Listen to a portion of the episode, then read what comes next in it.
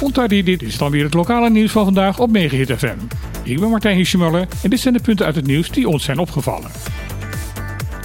Met ingang van 1 januari 2023 zal ieder inwoner van Caribisch Nederland minimaal 1500 dollar per jaar minder belasting hoeven te betalen. Dit komt omdat de belastingvrije voet met ingang van die datum met ruim 40% omhoog zal gaan. Dat houdt in dat over de eerste 17.352 dollar van het inkomen geen belasting betaald hoeft te gaan worden. Afgelopen jaar was dat niet meer dan 12.000 dollar. De verhoging van de belastingvrije voet betekent een lastenverlichting voor elke belastingbetaler binnen de BES. Door de verhoging van deze voet zullen er ook meer mensen zijn die helemaal geen belasting meer hoeven te betalen. Iedereen die tot 1400 dollar per maand verdient, zal daar niets van hoeven af te dragen. Dit bedrag staat gelijk aan het wettelijk minimumloon dat op Sint-Eustatius gehanteerd wordt.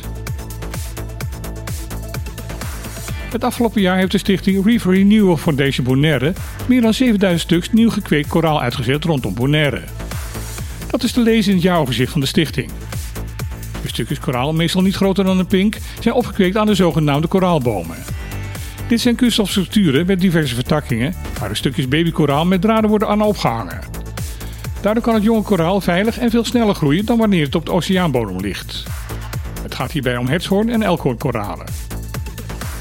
Wanneer de stukjes groot genoeg zijn, wordt het verplaatst naar verschillende herstellocaties.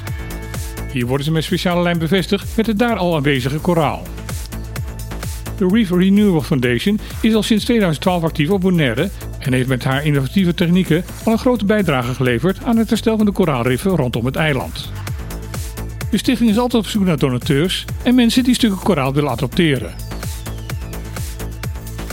Deze organisatie TUI heeft aangekondigd 55 laadpalen voor elektrische auto's op de ABC-eilanden te zullen gaan plaatsen.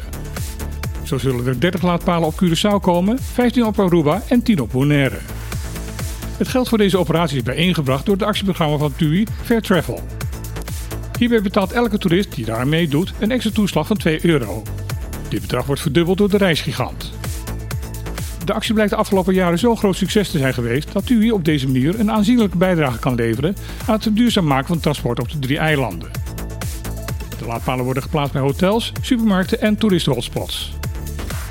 Ook zullen er een paar laadpalen geplaatst worden met een solar carport. Deze komen op plekken waar de aansluiting op het elektriciteitsnet niet vanzelfsprekend is.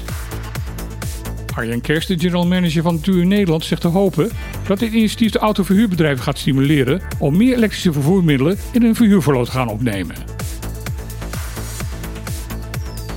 Uit door Greenpeace opgevraagde documenten blijkt dat de Nederlandse overheid wel wil helpen bij de problematiek rond de klimaatverandering in de Cariben, maar dat dit de Nederlandse staat niet te veel mag gaan kosten. In verband met het onderzoek dat Greenpeace heeft laten uitvoeren over de effect van de klimaatproblematiek voor Bonaire, heeft de milieugroep via de wet Open Overheid ook documentatie bij de overheid opgevraagd. Alle daarmee verkregen documentatie is nu door Greenpeace openbaar gemaakt. Na bestudering van de vele documenten komt de nieuwswebsite Koninkrijksrelaties tot de conclusie dat wat betreft de relatie tussen milieu en de BES-eilanden het Hollandse zuinigheid troef is.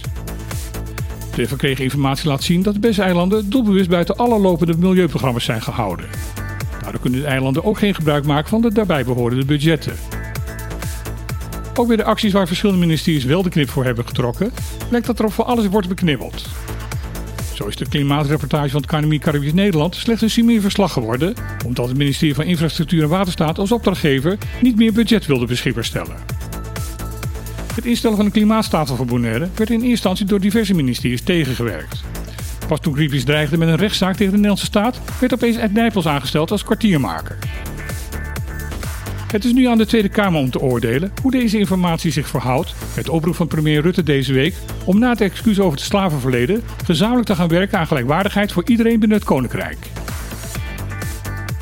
Dit was weer het lokale nieuws op Bonaire op Megahit FM. Ik wens alle luisteraars een hele mooie dag en dan graag weer tot morgen.